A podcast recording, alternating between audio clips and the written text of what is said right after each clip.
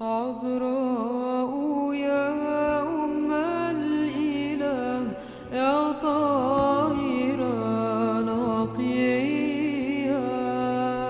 La det forgjengelige lys fra din åpenbaring skinne i våre hjerter, o menneskekjære Herre. Måtte du opplyse våre sinn når vi leser om dine hellige tjenere.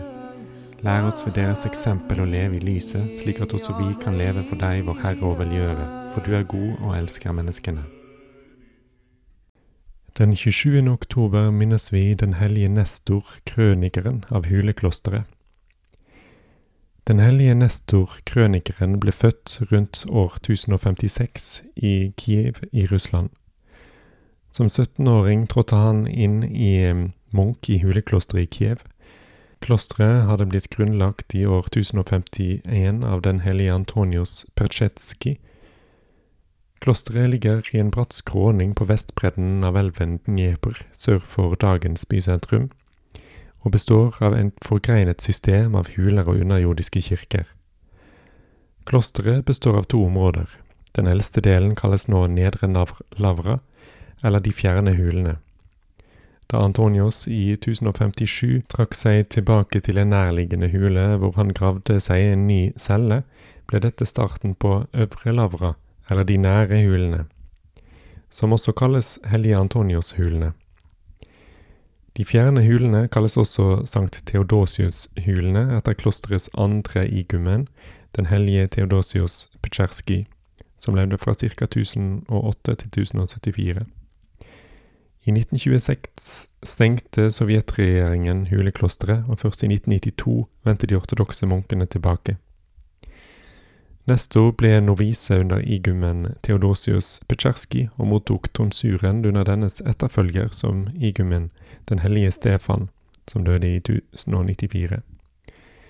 Han ble senere biskop av Vladimir i Bolhinia.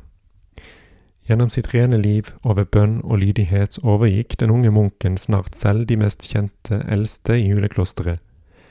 Under igumen Stefan ble han en gang viet til hierodiakon. En detalj som er kjent fra hans liv, er at han sammen med to andre munker fikk i oppdrag av igumen Johannes å grave opp relikviene av Theodosius for å overføre dem til klosterkirken den 14. august 1091. Det sies også at han støttet den regjerende fyrst Svatopolk og hans pro-skandinaviske parti, og mislikte den greske innflytelsen i Kiev. Sammen med en rekke andre klosterfedre skal Nestor ha deltatt i utdrivelsen av en djevel fra den hellige Niketas av Novgorod, som døde i 1109. Han hadde blitt fascinert av den hebraiske visdommen i Det gamle testamentet. Nestor satte stor pris på sann kunnskap, sammen med ydmykhet og bot. I klosteret hadde han som oppgave å være krøniker. På 1080-tallet skrev han en biografi om de hellige Boris og Gleb, ca. 990 til 1015, i forbindelse med overføringen av deres relikvier til Vyshgorod i 1072. På 1080-tallet skrev Nestor også en biografi om den hellige Theodosius Petsjerskij. Nestor skal også ha skrevet den såkalte lesningen.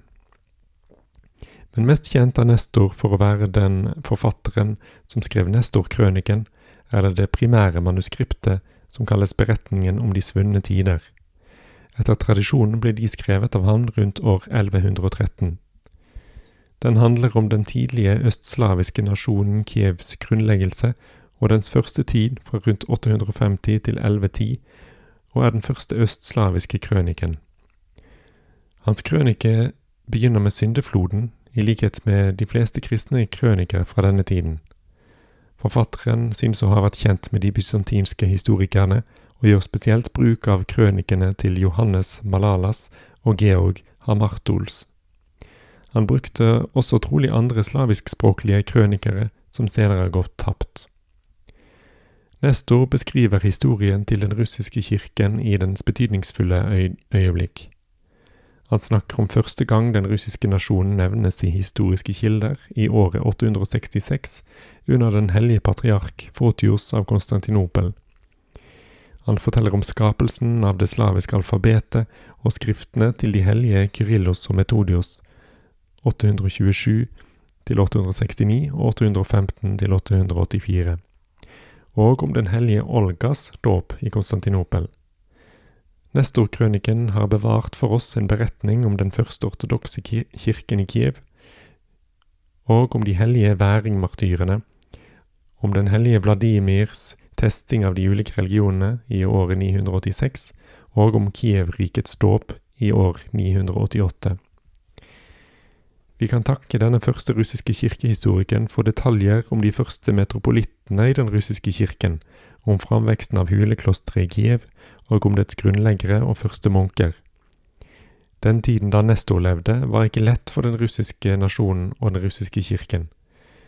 Rus var revet i stykker av fyrstenes krangler, de nomadiske polovetsjerne fra steppene ødela både byer og landsbyer med sine plyndringstokt. De førte mange russere i slaveri og brente kirker og klostre. Neste år var øyenvitne til ødeleggelsen av huleklosteret i 1096. I krøniken presenterer han en teologisk uttenkt, patriotisk historie. Krønikens åndelige dybde, historiske troskap og patriotisme plasserer den blant de betydeligste verkene i verdenslitteraturen. Hellige Nestor døde rundt år 1114 etter å ha latt to andre klosterkronikører i Kiev-huleklosteret fortsette arbeidet hans. Hans etterfølgere som kronikører var igumen Sylvester, som la til noen kilder fra hans samtid i Nestor-krøniken, igumen Moses Vidobitsjkij, som fortsatte historien fram til år 1200, og til sist igumen Lavrans, som i året 1377 skrev den eldste av de overlevende manuskriptene som eh, bevarer krøniken til Nestor. Hellige Nestor ble gravlagt ved Kiev-hulene til hellige Antonios. Kirken ærer også hans minne ved de hellige fedre av Kiev-hulenes synaksis 28.9. og den andre søndagen i den store og hellige fasten. Nestors krønike, eller Kiev-krøniken som den også kalles, er oversatt til en rekke språk, deriblant engelsk, svensk og dansk.